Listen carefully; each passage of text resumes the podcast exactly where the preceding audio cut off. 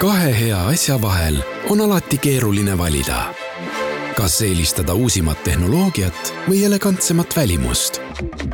uue Toyota Camry täishübriidelektriautoga on valik lihtne see on lipulaeva elegants, mugavus ja turvalisus. uus Camry Hybrid koos viimase põlvkonna Toyota Safety Sense ohutuspaketiga. Camry Executive on nüüd eriti hea tutvumispakkumisega. vaata lisa toyota.ee. kuku raadios välja öeldud seisukohad ei pea ühtima Kuku raadio seisukohtadega. Te kuulate Kuku raadiot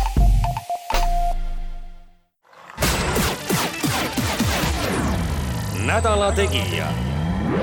ja tere nüüd ka Nädala Tegija stuudiost. ja kohe on hea meel öelda tere ka külalisele, kelleks on Isamaa esimees Helir-Valdor Seeder, tere tulemast Nädala Tegija saatesse. tere päevast. no sel nädalal, nädala lõpus on teil suurkogu, kus valitakse ka uus erakonna juht Teil on olemas ka seekord vastaskandidaat, vastaskandidaat on teil muide alati olemas olnud. ja praegu on aktiivselt siis käimas ka debatid, mis siis üks või teine inimene või kuidas ta seda erakonda näeb.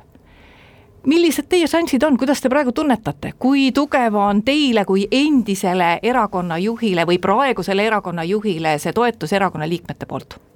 ma ei ole kunagi ette püüdnud ennustada või üle mõelda olen keskendunud eh, oma asja ajamisele, oma seisukohtade selgitamisele, oma mõtetele liitlaste leidmisega tegelenud ja seda nii erakonna sees erinevatel eh, aegadel ja, ja erinevatel kordadel, kui meil on olnud suurkogu ja juhtkonna valimised, nii oli see kaks tuhat seitseteist, nii oli see kaks tuhat üheksateist ja nii saab see olema ka nüüd sellel aastal. Äh, ja äh, vähem olen ma keskendunud äh, sellele mõttele, et mis on see tulemus ja ette prognoosima.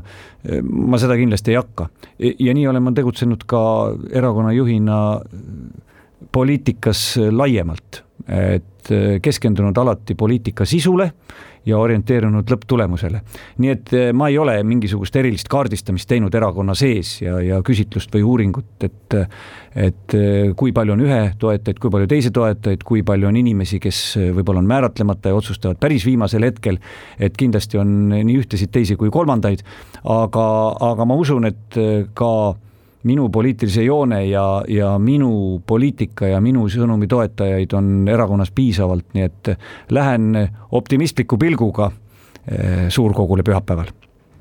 Mis need kõige suuremad põhimõttelised erinevused on, noh lisaks sellele, eks ole, et äh, inimestel on ambitsioon saada erakonna juhiks, aga et kui äh, Lavly Perling osutub näiteks valitud, kui teistmoodi see erakond võiks siis olla, kui ta täna on, kuidas, kuidas teie seda näete, sest et vaat sageli on ju nii, et kui on need äh, valimiseelsed debatid, siis vaadatakse rohkem seda, mis eristab inimesi ja eristab kõiki neid ettepanekuid. ja kõrvale jääb üldse see, mis ühendab, et, et kui erinevat äh, Isamaad te praegu ikkagi näete?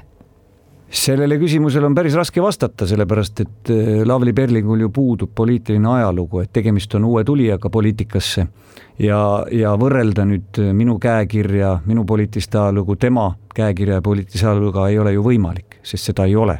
nii et me saame ainult oletada, äh, milliseks võib kujuneda ja nende noh, viimase paari kuu väljaütlemistest ja tegevustest, mis on olnud suhteliselt üldised, et aru saada, millised on Lavly maailmavaatelised hoiakud.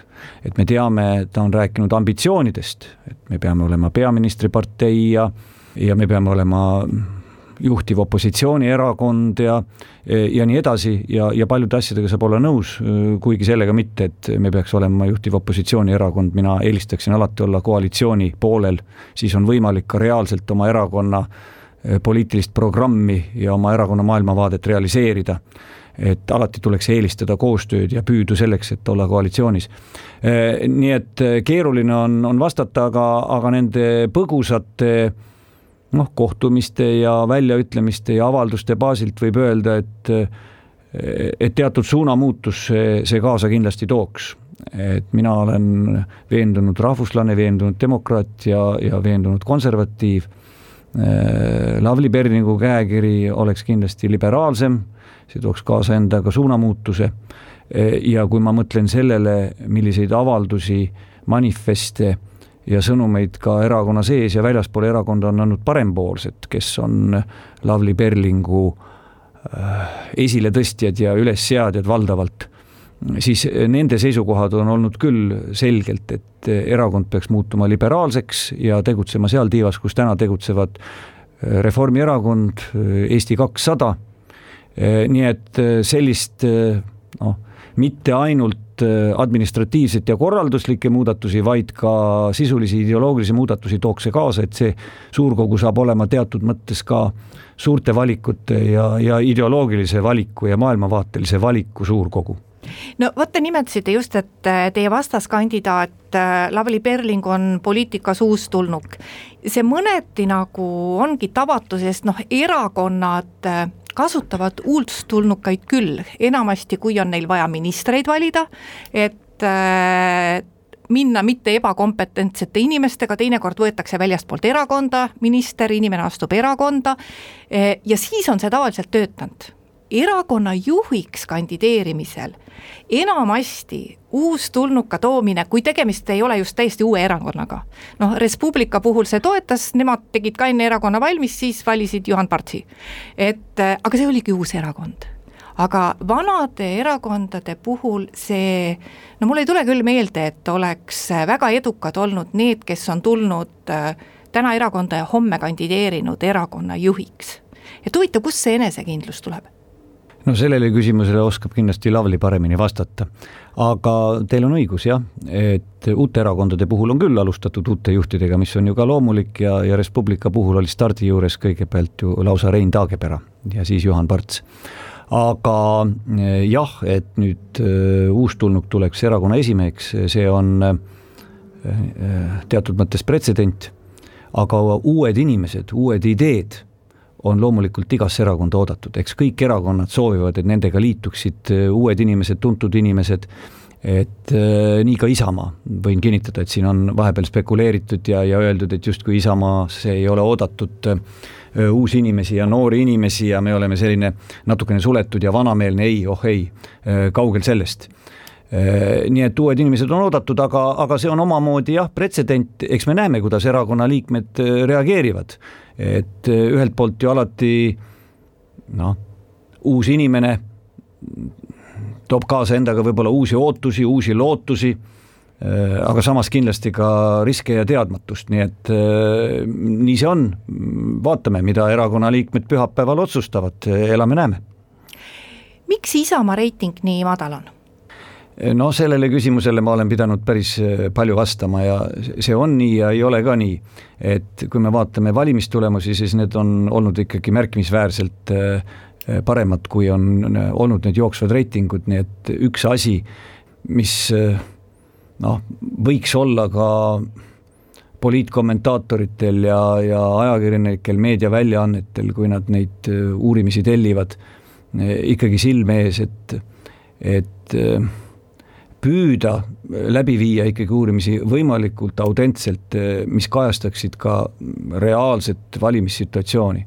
ma saan aru, et seda on keeruline valimistevahelisel ajal teha, aga kahetsusväärselt eh, see ikkagi toimib nii, et mõõdetakse jooksvat erakonna kaubamärki mitte tegelikult seda, milline võiks olla ühe või teise erakonna valimistulemus, sest et eh, jooksvalt eh, nende uuringute puhul ei ole ju tegemist kandi-, konkreetsete kandidaatidega nimekirjades ja nii edasi, mis, mis oluliselt muudavad ka olukorda. aga midagi ta loomulikult näitab ja iseloomustab mm, aga Isamaa puhul me ei ole kunagi seadnud eesmärgiks erakonna jooksvat reitingut, et see oleks meie poliitika eesmärk. Ja see on kindlasti ka üks põhjus. Sellepärast et äh, ma näen enamus erakondi jooksvalt nii-öelda propagandistlikult selle erakonna märgi ja kuvandi kujundamisele kulutavad oluliselt rohkem energiat, ressurssi ja see on nende jaoks palju olulisem kui Isamaa jaoks.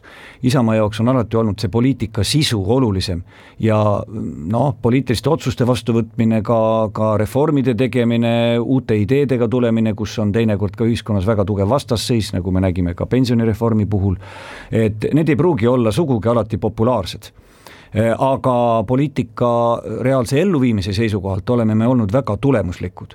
ja ma arvan, et seda on ka valija valimiste ajal hinnanud, et, et laias laastus kaks põhjust, miks meie valimistulemus on sellest jooksvast reitingust olnud kõrgem. üks on see, et meil on olnud alati head ja tugevad kandidaadid, mis on tõstnud erakonna valimistulemust kõrgemale kui jooksev erakonna niisugune reiting. ja teine on olnud see, et me reaalselt oleme oma lubadused ellu viinud maksimaalselt ja see on tekitanud usku, et eh, Isamaa eh, on erakond, kes viib oma lubadused ka ellu, isegi siis, kui me ei ole peaministripartei, isegi siis, kui me oleme koalitsiooni väiksem osapool, me oleme väga efektiivsed ja tulemuslikud ja sihikindlad, nii et ma arvan, need on need põhjused olnud, miks see valimistulemus on suurem olnud, aga ega me eh, selle niisuguse madala reitingu üle ju ka ei rõõmusta ja me kõik teadvustame. ja ei saa öelda, et meil on see ükskõik, ei, päris nii see ka ei ole, kuigi me ei ole seadnud seda eesmärgiks. Eh, aga ma arvan, et, et põhjused ulatuvad ka kaugemasse minevikku. Äh, kaugemasse minevikku, kui ühel hetkel aastaid tagasi Isamaa leidis, et rahvuslikult mõtlevad inimesed, need, kes teavad, mida Isamaa endast kujutab, et Isamaa tugevused on eesti keele, kultuuri hoidmine, demograafia küsimused, Eesti rahva füüsiline kestmajäämine julgeolek, välispoliitika, rahvusvahelised suhted, riiklus, et need on need küsimused, millega Isamaa tegeleb ja meil on välja kujunenud püsivalijaskond, kelle pärast me muretsema ei pea. et nüüd on aeg laiendama, laiendada oma valimisbaasi. hakkame tegelema rohkem kommunaalküsimustega, kodualuse maamaksu vabastused, kõik muud küsimused, ühesõnaga ja, ja me nagu valgusime laiali valija jaoks. Ja samal hetkel startis äh, Rahvaliidust ümber sündinud, äh, sündinud EKRE, kes tabas seda hetke väga hästi ja võttis meie sõnumid jõuliselt ka üle. Ja võttis üle ka osa meie valijaskonnast. ja, ja Isamaa jäi kuidagi lahustunult ja ebaselgelt Eesti poliitilisele maastikule. Ja kui mina erakonna esimeseks sain, siis ma ütlesin, et nüüd seisab meil ees pikk tee, aga me peame oma fookuse paika saama ja, ja see ei tähenda, et me muutume kitsalt ühe teema erakonnaks või, või nišierakonnaks, aga meil peab olema selge maailmavaade, selge ideoloogiline selgroog. nii et ma arvan, et see niisugune mm, ebaselgus, ebakindlus meie valija poolt ja püsivalija kaotajaskond on suuresti tingitud nendest aastate tagusest seisust. ja teine asi, mis ma ütlen, et Isamaa ei ole kunagi kartnud teha julgeid otsuseid, ka riskantseid otsuseid, seda meie asutamisest alates. väga palju on räägitud Mart Laari ajast ja nendest reformidest ja teate, nende reformide järgselt on olnud Isamaa reiting kõige madalam üldse. aga see ei tähenda, et need oleksid olnud valed otsused. nüüd kakskümmend, kolmkümmend aastat tagasi kiidetakse, öeldakse, vaadake, kui õiged ja julged otsused olid eh, tol ajal eh, tehtud aga tolle aja tulemus oli lõpuks kõige madalam reiting meil lausa alla kolme protsendi, et see oli reaktsioon nendele otsustele. et Isamaa reiting läbi aegade on olnud Eesti erakondadest, kes on pikalt tegutsenud, kõige kõikuvam ja kõige ebastabiilsem, nagu Ameerika mäed. me oleme olnud mitmel korral peaministri erakond, aga me oleme ka mitmel korral olnud valimise künnisel, valimiskünnisel ja ületanud napilt äh, Riigikogu valimistulemuse kui mina esimest korda kandideerisin kahe tuhande kolmandal aastal Riigikogusse, siis äh, Isamaa sai napilt üle künnise, seitse kohta, jäime väikeseks opositsioonierakonnaks äh, Riigikogus, äh, aga tõusime sealt jälle ülesse. Nii et, et Isamaa on olnud nagu Ameerika mägedel ja, ja sellest ei saa ega tohigi heituda, olulisem on see poliitika, mida me ellu viime me teeme oma jutuajamisse väikese pausi ja läheme hetke pärast edasi. nädala Tegija. Nädala Tegija saade läheb edasi, stuudios on Isamaa esimees Helir-Valdor Seeder. Ja vaat te ise tõite nüüd ka välja sellesama EKRE-ga võrdluse ja, ja seda toovad analüütikud ka välja, et, et et EKRE on võtnud teilt ära väga tubli hulga toetajaid. ma mõneti ei saa sellest aru, sest et te olete ju ikkagi päris erinevad, noh, kui me räägime sellest rahvuslusest ja eesti keele toetamisest, no enamus Eesti erakondi ju tegelikult toetavad seda, et Eestis räägitakse eesti keelt ja et Eesti elanik või tähendab, eestlaste arv ikka jätkuvalt oleks, no kui ta ei kasva, siis et ta vähemalt ei väheneks. et seda ju toetavad enamus poliitikaid. teine asi EKRE-ga võrreldes, noh, te olete viisakamad, te olete kompetentsemad, ka täna Riigikogus käitumises vaadates siis äh, poliitik, kui me vaat-, annaks poliitikutele hindeid, kuidas nad on asjadega kursis, siis Isamaa poliitiku hinne oleks kindlasti oluliselt kõrgem kui EKRE poliitiku oma. et äh, et sellest ma nagu mõnes mõttes ei saagi aru, et äh, miks teil võiks olla mingi nii ühine valijaskond, mida siis annab tõmmata üksteiselt ära? jah, vot millegipärast äh, just siin poliitvaatlejad ja meie konkurendid ja ka osa ajakirjandusest äh, defineerivad Isamaad väga läbi EKRE. mina seda ei tee, kuigi mulle on ka seda väga püütud pähe määrida, ütleme otseselt, et et me defineerime ennast väga läbi EKRE. see on tulnud ikkagi sellest, et, et küsitakse kogu aeg, et kes te olete siis, et kas te olete light EKRE ja mille poolest te erinete ja, ja siis tuleb selgitada. Ähm, et jah, meil on päris suured erinevused EKRE-st, ei saa salata, aga meil on ka ühisosa. ja küsimus on väga palju ka sõnumitest. et äh, see, et me jätsime unarusse oma püsivalijaskonna aastaid tagasi, see oli kindlasti viga ja seda kasutasid EKRE ära ja, ja seetõttu ma arvan, et ikkagi eh, teatud osa Isamaa püsivalijatest ja võib-olla ka nendest valijatest, kes alati ei valinud, aga kes mõnikord Isamaad valisid, läksid EKRE taha. Ja, ja sellise järjepideva ja sihikindla poliitikaga, ma arvan, neid valijaid on võimalik Isamaal tagasi võita ja sellega peab ka tegelema. aga kaugeltki Isamaa valijad kõik ei läinud EKRE taha, kaugeltki mitte. et eh, mingi osa Isamaa valijatest eh, on jäänud passiivselt kõrvale, ma arvan, kes on pettunud võib-olla Isamaas, kes on pettunud ka teistes erakondades, võib-olla poliitikas üldse, ma arvan, ka neid inimesi on tulevikus vaja kõnetada, nendega on vaja suhelda ja nad tagasi tuua nii-öelda poliitilisele maastikule, et nad oleksid ka aktiivsed valijad, eh, sellega tuleb tööd teha. Kindlasti osa Isamaa valijaid on ka Reformierakonna taga, sest äh, ütleme, majandus- ja maksupoliitika, eelarvepoliitika osas on meil Reformierakonnaga suur ühisosa ja, ja, ja ka ühised valijad nii et äh, ka sinna me oleme kindlasti mingi osa valijatest kaotanud. Ja ma arvan ka uutele tulijatele, võtame täna Eesti kakssada, siis uute tulijate puhul on alati nii, et nende valijaskond esialgu on väga kirju. Sest neil puudub poliitiline ajalugu, oodatakse ikka midagi uut. Ja mis see uus on, täpselt ei teata. Ja erinevate erakondade valijad lähevad ja annavad võib-olla uutele tulijatele, et vaadake, me tahame ka mingit värskust ja, ja Eesti poliitmaastikule uusi tegijaid, kuigi Eesti kakssada suuresti alustab ka äh, nii-öelda endiste tegijatega teistest erakondadest, aga on ka uusi tegijaid. Eh, nii et eh, ka, ka nende uute erakondade valijate taga on potentsiaalselt endiste erakondade eh, valijaid. nii et ei saa öelda, et, et oleks ainult kindlalt ühe erakonna vahel ja, ja mina arvan, et meie niisugune positsioon Eesti poliitilisel maastikul ongi olla Reformierakonna ja EKRE vahel me oleme niisugused noh, kui nüüd parem-vasak skaalal äh, hinnata, siis, siis paremtsentristlikud äh, oma, oma niisuguselt hoiakult ja maailmavaadetelt.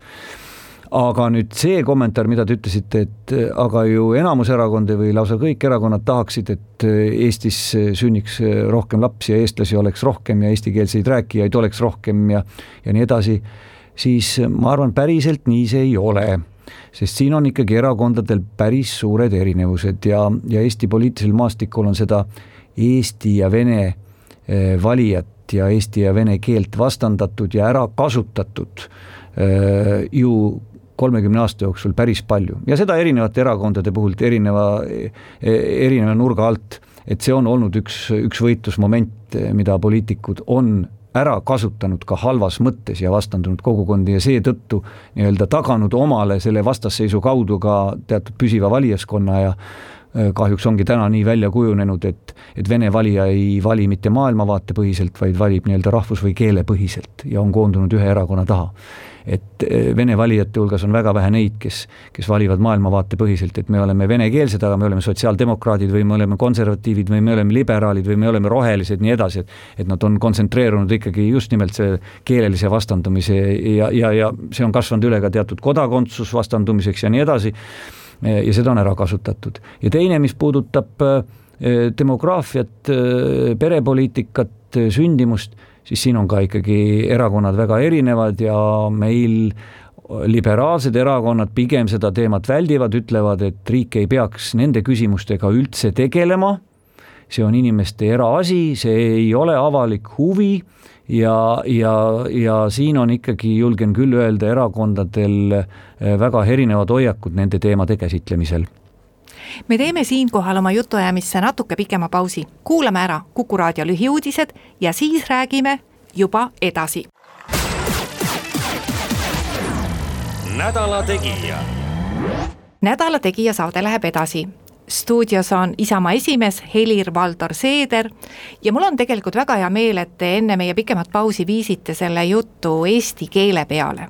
vaat tänavu me tähistame Eesti taasiseseisvumisest möödumise kolmekümnendat aastat ja ma ei saa aru, miks me oleme see kolmkümmend aastat sellesse eestikeelsesse kooliharidusse ja ühtse eestikeelse haridussüsteemi loomisse nii leigelt suhtunud, et selleks ajaks äh, ei peaks olema enam ühtegi argumenti, et pidada kakskeelset haridussüsteemi. et kas need on objektiivsed tingimused, kas me, kas me ikkagi peame venelastele ja kas me meeldime venekeelsele elanikkonnale siis rohkem, kui meil on venekeelne kool jah, äh, see on väga valus küsimus ja võib ju nii vastata, nagu filosoofid ütlevad, et kõik, mis on tegelik, on mõistlik.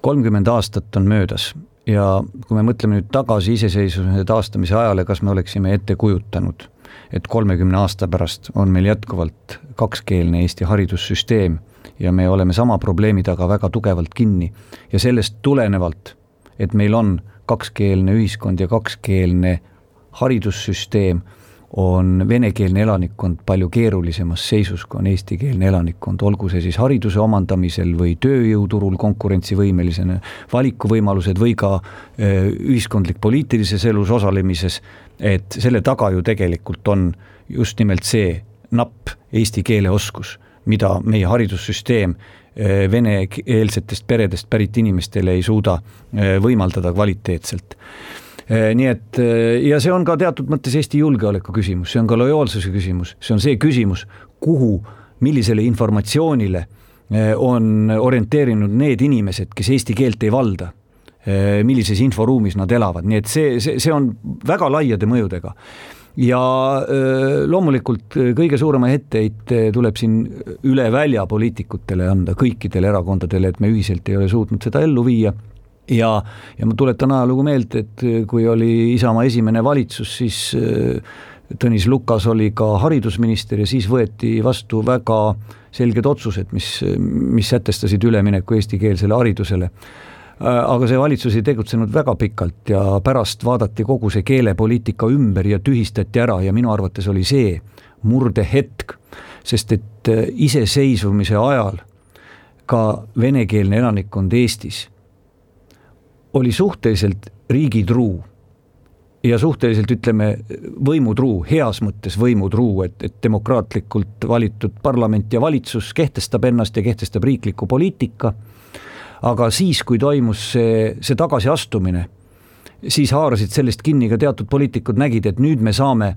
hakata esindama nii-öelda nende venekeelse elanikkonna huve, öelda, et, et eh, meie kaitseme teid, et teie võite rääkida vene keeles eh, haridussüsteemis, töötada, te ei pea eesti keelt omandama, me kaitseme teid. see kandus üle ka kodakondsuspoliitikale laiemalt ja toimus murrang, et riik ei kehtesta riiklikku poliitikat ja see võeti omaks äh, nii venekeelsetel omavalitsusjuhtidel, koolijuhtidel, äh, laiemalt vene kogukonnas ja nii edasi. Äh, ja sealt pealt on see rong risti läinud ja, ja julgen öelda, et Keskerakond toetus väga tugevalt just ka sellele poliitikale ja tänaseks ma olen väga selgelt aru saanud, olles olnud ka koos Keskerakonnaga ühes valitsuskoalitsioonis, et üleminekut eestikeelsele ühtsele haridussüsteemile ei toimu, kui Keskerakond on riigi tasemel koalitsioonis. et seda saab teha ilmselt teiste erakondadega koostöös, aga Keskerakond on väga selgelt orienteeritud just nimelt poliitikas sellele. et see, see on, see on väga tunnetatav. E, nii et kahetsusväärselt siin võib pikalt rääkida neid põhjusi ja õigustada, mina ei taha õigustada, see on e, tegemata jäänud töö e, ja, ja võib-olla vahepeal rahustas ka teisi erakondasid see, et esimesed kõige keerulisemad majanduslikud küsimused said lahendatud, maailm avanes, inimesed nägid justkui elu läheb ilusti edasi ja areneb. eestlaste osakaal Eestis kahekümne aasta jooksul ka tasapisi kasvas, venekeelse elanikkonna oma kahanes, mõeldi, et see probleem sureb ka vaikselt välja iseenesest, nii nagu ka halli passi omanikud, et järjest see arv tasapisi väheneb ja järgnevate põlvkondadega järjest väheneb, et küll need probleemid lahenevad ja me ei kasutanud seda kahtekümmend aastat, kus see protsess nii toimis, äh, ettevalmistamiseks ära, et me kehtestame eestikeelse haridussüsteemi. Ja näete nüüd, mis on juhtunud. nüüd viimasel kolmel-neljal aastal on protsess pöördunud tagurpidiseks, kus Eesti elanikkond on hakanud kasvama, eestlaste osakaal on hakanud vähenema, venekeelse elanikkonna äh, sisseränne on suurenenud ja kuhu nad lähevad, lähevad ikkagi sinna, kus täna toimibki ainult venekeelne õpe, nad kesk-, kohanevad seal palju kergemini, me ei loonud nüüd selleks uueks olukorraks soodsaid tingimusi ja nüüd on seda palju raskem teha kui nendel eelnevatel aastakümnetel, aga tuleb teha. Tuleb teha, Isamaa on üks erakond, kes sellele väga palju rõhku panustab. Ja võib-olla mõned on juba lausa tüdinud sellest, et me räägime nii palju eesti keelest, aga ka viimases valitsuses me tegime siiski väga palju ära eesti keele majadega, eesti keele ameti ümber reorganiseerimisega, täiendava mm, rahastamisega, mis puudutab venekeelseid koole ja seal eesti keele õpet ja sinna õpetajate leidmisel, et, et need otsused olid kõik vajalikud ja ma arvan, et, et niisuguse integratsiooni fundamentaalne alus on ikkagi keeleline integratsioon ja keeleoskus, nii et Isamaa peab seda ülimalt oluliseks ja nagu ma ütlesin, need siirded on kõikidesse teistesse valdkondadesse. nii et sellega tuleb edasi tegeleda ja jõuda ühtse eestikeelse haridussüsteemini. no meil on ju kohe ees kohalike omavalitsuste valimised noh, ma usun, et see, kuigi see ei ole, see keeleteema ei ole nüüd päris kohalike omavalitsuste valimiste teema, aga ta kerkib üles nagunii, sest koolipidajad meil kohtadel on ju ikkagi kohalikud omavalitsused, kuigi hariduse sisu tuleb Haridusministeeriumist, aga näiteks Tallinna puhul on minu meelest väga indikatiivne see, et kui Tallinnas peaks nüüd jätkuma Keskerakonna ainuvõim, siis äh, venekeelne kool kinnistub siia üha tugevamini ja venekeelne asjaajamine ka linnavõimu koridorides äh, ei lähe mitte väiksemaks, vaid läheb suuremaks. kui nüüd Isamaa ja veel mõned teistsugused poliitilised jõud peaksid moodustama koalitsiooni Tallinnas, siis võib loota, et see olukord muutub. kui tõsiselt te praegu panustate kohalike omavalitsuste valimisse ja vaat just Tallinnasse, ma isegi ei tea, teil vist ei ole välja öeldud isegi Tallinna linnapea kandidaati praegu? ei, me ei ole veel öelnud jah, ja kuna me oleme tegelenud nüüd erakonna äh, sisese suurkogu ettevalmistamisega ja, ja konkurents erakonna sees, siis me otsustasime kohe algselt niimoodi, et me teeme suurkogu ära ja siis keskendume kohalikele valimistele. ja, ja, ja siis hakkame rääkima ka erinevatest omavalitsusjuhtidest ja linnapea kandidaatidest, vallavanema kandidaatidest äh, aga äh, me võtame väga tõsiselt seda, seda eesti keele teemat ja kooli teemat ja see on ka otseselt kohaliku omavalitsuse teema ja kurjast on võib-olla see, et meil täna on veel Pärnus, Tartus, Valgas venekeelse koolid, venekeelsed koolid. et noh, need on küll kohad, kus äh, tänaseks peaks olema äh, eestikeelne haridussüsteem ainult alles. et kui me räägime Tallinnast ja Ida-Virumaast, siis me saame aru, et, et äh, need on keerulisemad ja siin on tunduvalt suurema mastaabi küsimuste ja probleemidega tegemist. aga see on kohaliku omavalitsuse üks ülesandeid, kooli pidamine ja võib-olla ma olen väga radikaalne, aga minu ettepanek on ja me oleme erakonnas seda ka põgusalt arutanud ja ma loodan, et see saab tulevikus olema ka meie valimisprogrammides. Ja see nüüd on juba ka riikliku poliitika küsimus, et äh, me peaksime määratlema äh, kindla aja mis aja jooksul kohalikud omavalitsused lähevad üle ühtsele eestikeelsele haridussüsteemile. ja need omavalitsused, kes seda selleks ajaks ei suuda, loomulikult riik peab abistama neid igakülgselt, eh, aga need, kes ei suuda, eh, need koolid riigistatakse ja riik hakkab seal siis riiklikku hariduspoliitikat ise ellu viima. ma arvan küll, et aeg on selleks küps, kolmkümmend aastat on olnud piisavalt pikk aeg, et omavalitsustel oleks võimalik orienteeruda eestikeelsele haridussüsteemile, mida me oleme soovinud juurutada. Ja kui seda tahet ikkagi ei ole koolipidajal, kooli omanikul, kohalikul omavalitsusel, kes täna on nii põhikooli kui valdavalt ka gümnaasiumihariduse puhul koolipidajad ja omanikud, siis tuleb seda teha, kui me oleme läinud selle riigigümnaasiumite võrgustikuga, mis on ka üks osa ja tänane, tänane üks niisugune noh, eesliinil võitlusobjekt ja lakmuspaber on ju Kohtla-Järve riigigümnaasium. Kas, kas seal meil õnnestub kvaliteetne haridus ja, ja eestikeelne haridus Ida-Virumaal mm, sisse viia aga, aga ma arvan, et nii tuleb käituda ka teiste koolidega, et kus omavalitsused ei suuda ikkagi eestikeelsele või ei taha eestikeelsele haridussüsteemile üle minna, seal riik need koolid riigistab ja hakkab ise seda ellu viima. Me teeme ühe pausi oma jutuajamisse veel ja hetke pärast jätkame. nädala Tegija nädala Tegija saade läheb edasi, stuudios on Isamaa esimees Helir-Valdor Seeder no mis meil presidendivalimistest saab? Praegu ma ei tea, kui pa-, teie teate, kui palju Riigikogus otsitakse neid kandidaate ja, ja peetakse läbirääkimisi, et ega ajakirjanikele seda ju iga kord väga ei öelda, aga et äh, millal me saame esimesed tõsiseltvõetavad presidendikandidaadid? no ei tea midagi, et teinekord teavad ikka ajakirjanikud rohkem kui poliitikud ise ja iseenda kohtagi. aga äh, ega presidendivalimistest tõesti praegu väga palju rääkida ei ole. viis aastat tagasi oli presidendikandidaate hulgem, kõik käisid mööda Eestit ringi, mõnel erakonnal oli isegi mitu presidendikandidaati. täna ei ole ühtegi presidendikandidaati konkreetselt, eh, kelle taga oleks mitme erakonna toetus. jah, teatud eh, kontaktid, konsultatsioonid, suhtlemine parlamendierakondade juhtide vahel käivad aga konkreetsete nimedeni jõutud ei ole. ja siin pikka aega ju oodati Keskerakonna selgeid otsuseid ja Jüri Ratase otsust, nii kaua oli võib-olla see initsiatiiv, tähelepanu ja kõige suurem vastutus ja ootus seal, kui Jüri Ratas teatas, et tema ei kandideeri, siis läks see raskuskese rohkem nagu Reformierakonnale, kus Kaja Kallas teatas, et tema nüüd tegeleb.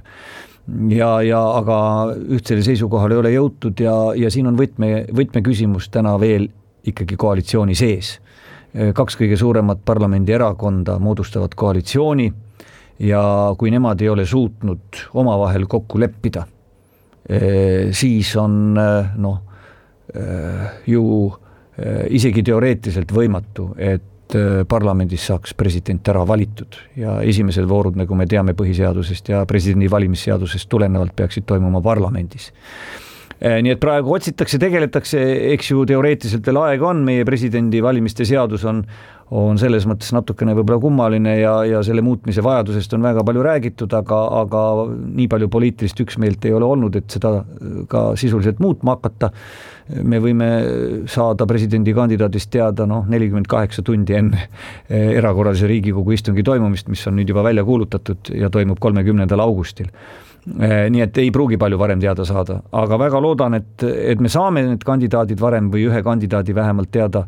Eh, ja, ja selle nimel Isamaa tegutseb, kui on küsitud ka Isamaa käest, et noh, pakkuge siis ise see kandidaat välja. Eh, ma arvan, et presidendi valimised ei peaks olema üks osa kohalike valimiste eelkampaaniast, mis kiusatus sellel aastal väga on, sellepärast et nad satuvad vahetult kohalike valimiste ette. ja, ja, ja võib tekkida olukord, et iga erakond tuleb välja lihtsalt oma kandidaadiga, peibutuskandidaadiga, saab sellele tähelepanu, kes räägib oma erakonna ideoloogiast ja poliitikast ja nii edasi. aga see ei kanna seda eesmärki, et me valiksime Eesti riigile Eh, seda ühte ja kõige paremat lahendust, mis, mis, mis võimalik kokku leppida on. ja seetõttu Isamaa ei ole nii-öelda killustatult sellele presidendikampaania eh, sisse läinud, eh, vaid me otsiksime ja otsime inimest, kellel oleks laiapõhjaline kandepind, keda saaks ära valida kas siis parlamendis või valimiskogus. nii et ei üks erakond ega ka kaks erakonda koos ei vali täna presidenti ära, selleks on veel laiemat kandepinda vaja nii et tuleb otsida sellist laia kandepindaga isikut. häid inimesi Eestis on, küsimus on selles, et kas suudetakse kokku leppida, et erinevatel erakondadel on erinevad arvamused ja erinevad huvid selles küsimuses.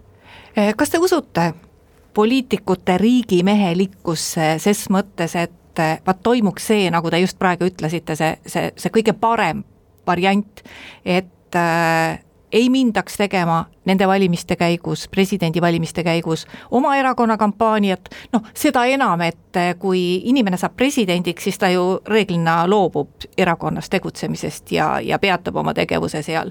et ei, ei tehtaks seda ja et eh, mõeldakse tõepoolest väljaspoole oma erakonda, et eh, millist presidenti me tahame ja, ja et sellest presidendist oleks tuge nii siseriiklikult, kui et ta meile välismaal ka piinlikkust ei valmistaks? ega nüüd poliitikute hulgas on ka väga erinevaid inimesi, nii nagu kõikide teiste elualade inimeste hulgas, olgu nad meditsiinitöötajad või ettevõtjad, nii ka poliitikute hulgas on väga tõsiseid riigimehi ja on neid, kes võib-olla populistlikult püüavad poliitikas tegutseda, et, et väga erinevaid, aga ma siiski olen täiesti veendunud, et enamus äh, minu kolleegidest ja poliitikutest äh, võtavad ikkagi poliitikat tõsiselt ja neid võib nimetada julgelt riigimeesteks. aga selle presidendivalimiste puhul noh, kõigi nende subjektiivsete momentide kõrval äh, ongi ka nii, et inimesed saavad ka erinevalt aru, erakonnad ja poliitikud saavadki ka erinevalt aru, et kes võiks see riigipea olla. Ja, ja sugugi mitte ainult kitsalt erakondlikust niisugusest halvas mõttes huvist tulenevalt, vaid sellest, et neil ongi erinev arusaam riigipea isikust ja, ja tema rollist, et kes näeb, et ta peaks olema rohkem meie riigi esindaja väljapoole, tegelema välispoliitika, rahvusvahelise suhtlemisega, kes näeb, et ta peaks rohkem töötama sisse, olema ühiskonna ühendaja, kes näeb, et ta peaks noh, tundma väga hästi poliitika köögi poolt, et tasakaalustada seda poliitikat erinevate erakondade vahel, mis on tema roll, et et võib öelda, et, et ideaalis oleks, kui ta kõiki neid ülesandeid täidab. aga siin on ka erakondadel ja poliitikatel selle isiku suhtes erinev ootus, nii et see ei ole lihtsalt ka ainult niisugune kitsas erakondliku poliitika ajamine, vaid oodataksegi e e erinevat lähenemist sellelt presidendikandidaatilt ja erinevaid isikuomadusi ja, ja Isamaa nimel võin küll öelda, et me siiralt otsime sellist äh, ühiskonda ühendavat laia toetuspinnaga kandidaati ja me oleme seda ka varem teinud, et me ei ole tulnud välja kitsalt ainult erakondlike kandidaatidega, alates Lennart Merist, kes oli Isamaa kandidaat, lõpetades viimane kord Allar Jõksiga. ei ole need kumbki kuulunud Isamaa erakonna liikmete hulka või olnud Isamaale lähedased noh, nii-öelda partei poliitilises mõttes mitte kunagi, vaid me oleme mõelnud Eesti riigi peale, kes võiks olla head presidendikandidaadid, nii et ka seekord me läheneme sellele protsessile samamoodi ja ongi meie saateaeg läbi saanud. aitäh, Helir-Valdor Seeder tulemast Nädala Tegija saatesse. saatejuht Ulla Lents ütleb kuulajatele ka aitäh kuulamise eest. ja Nädala Tegija on eetris juba nädala pärast, kuulmiseni. nädala Tegija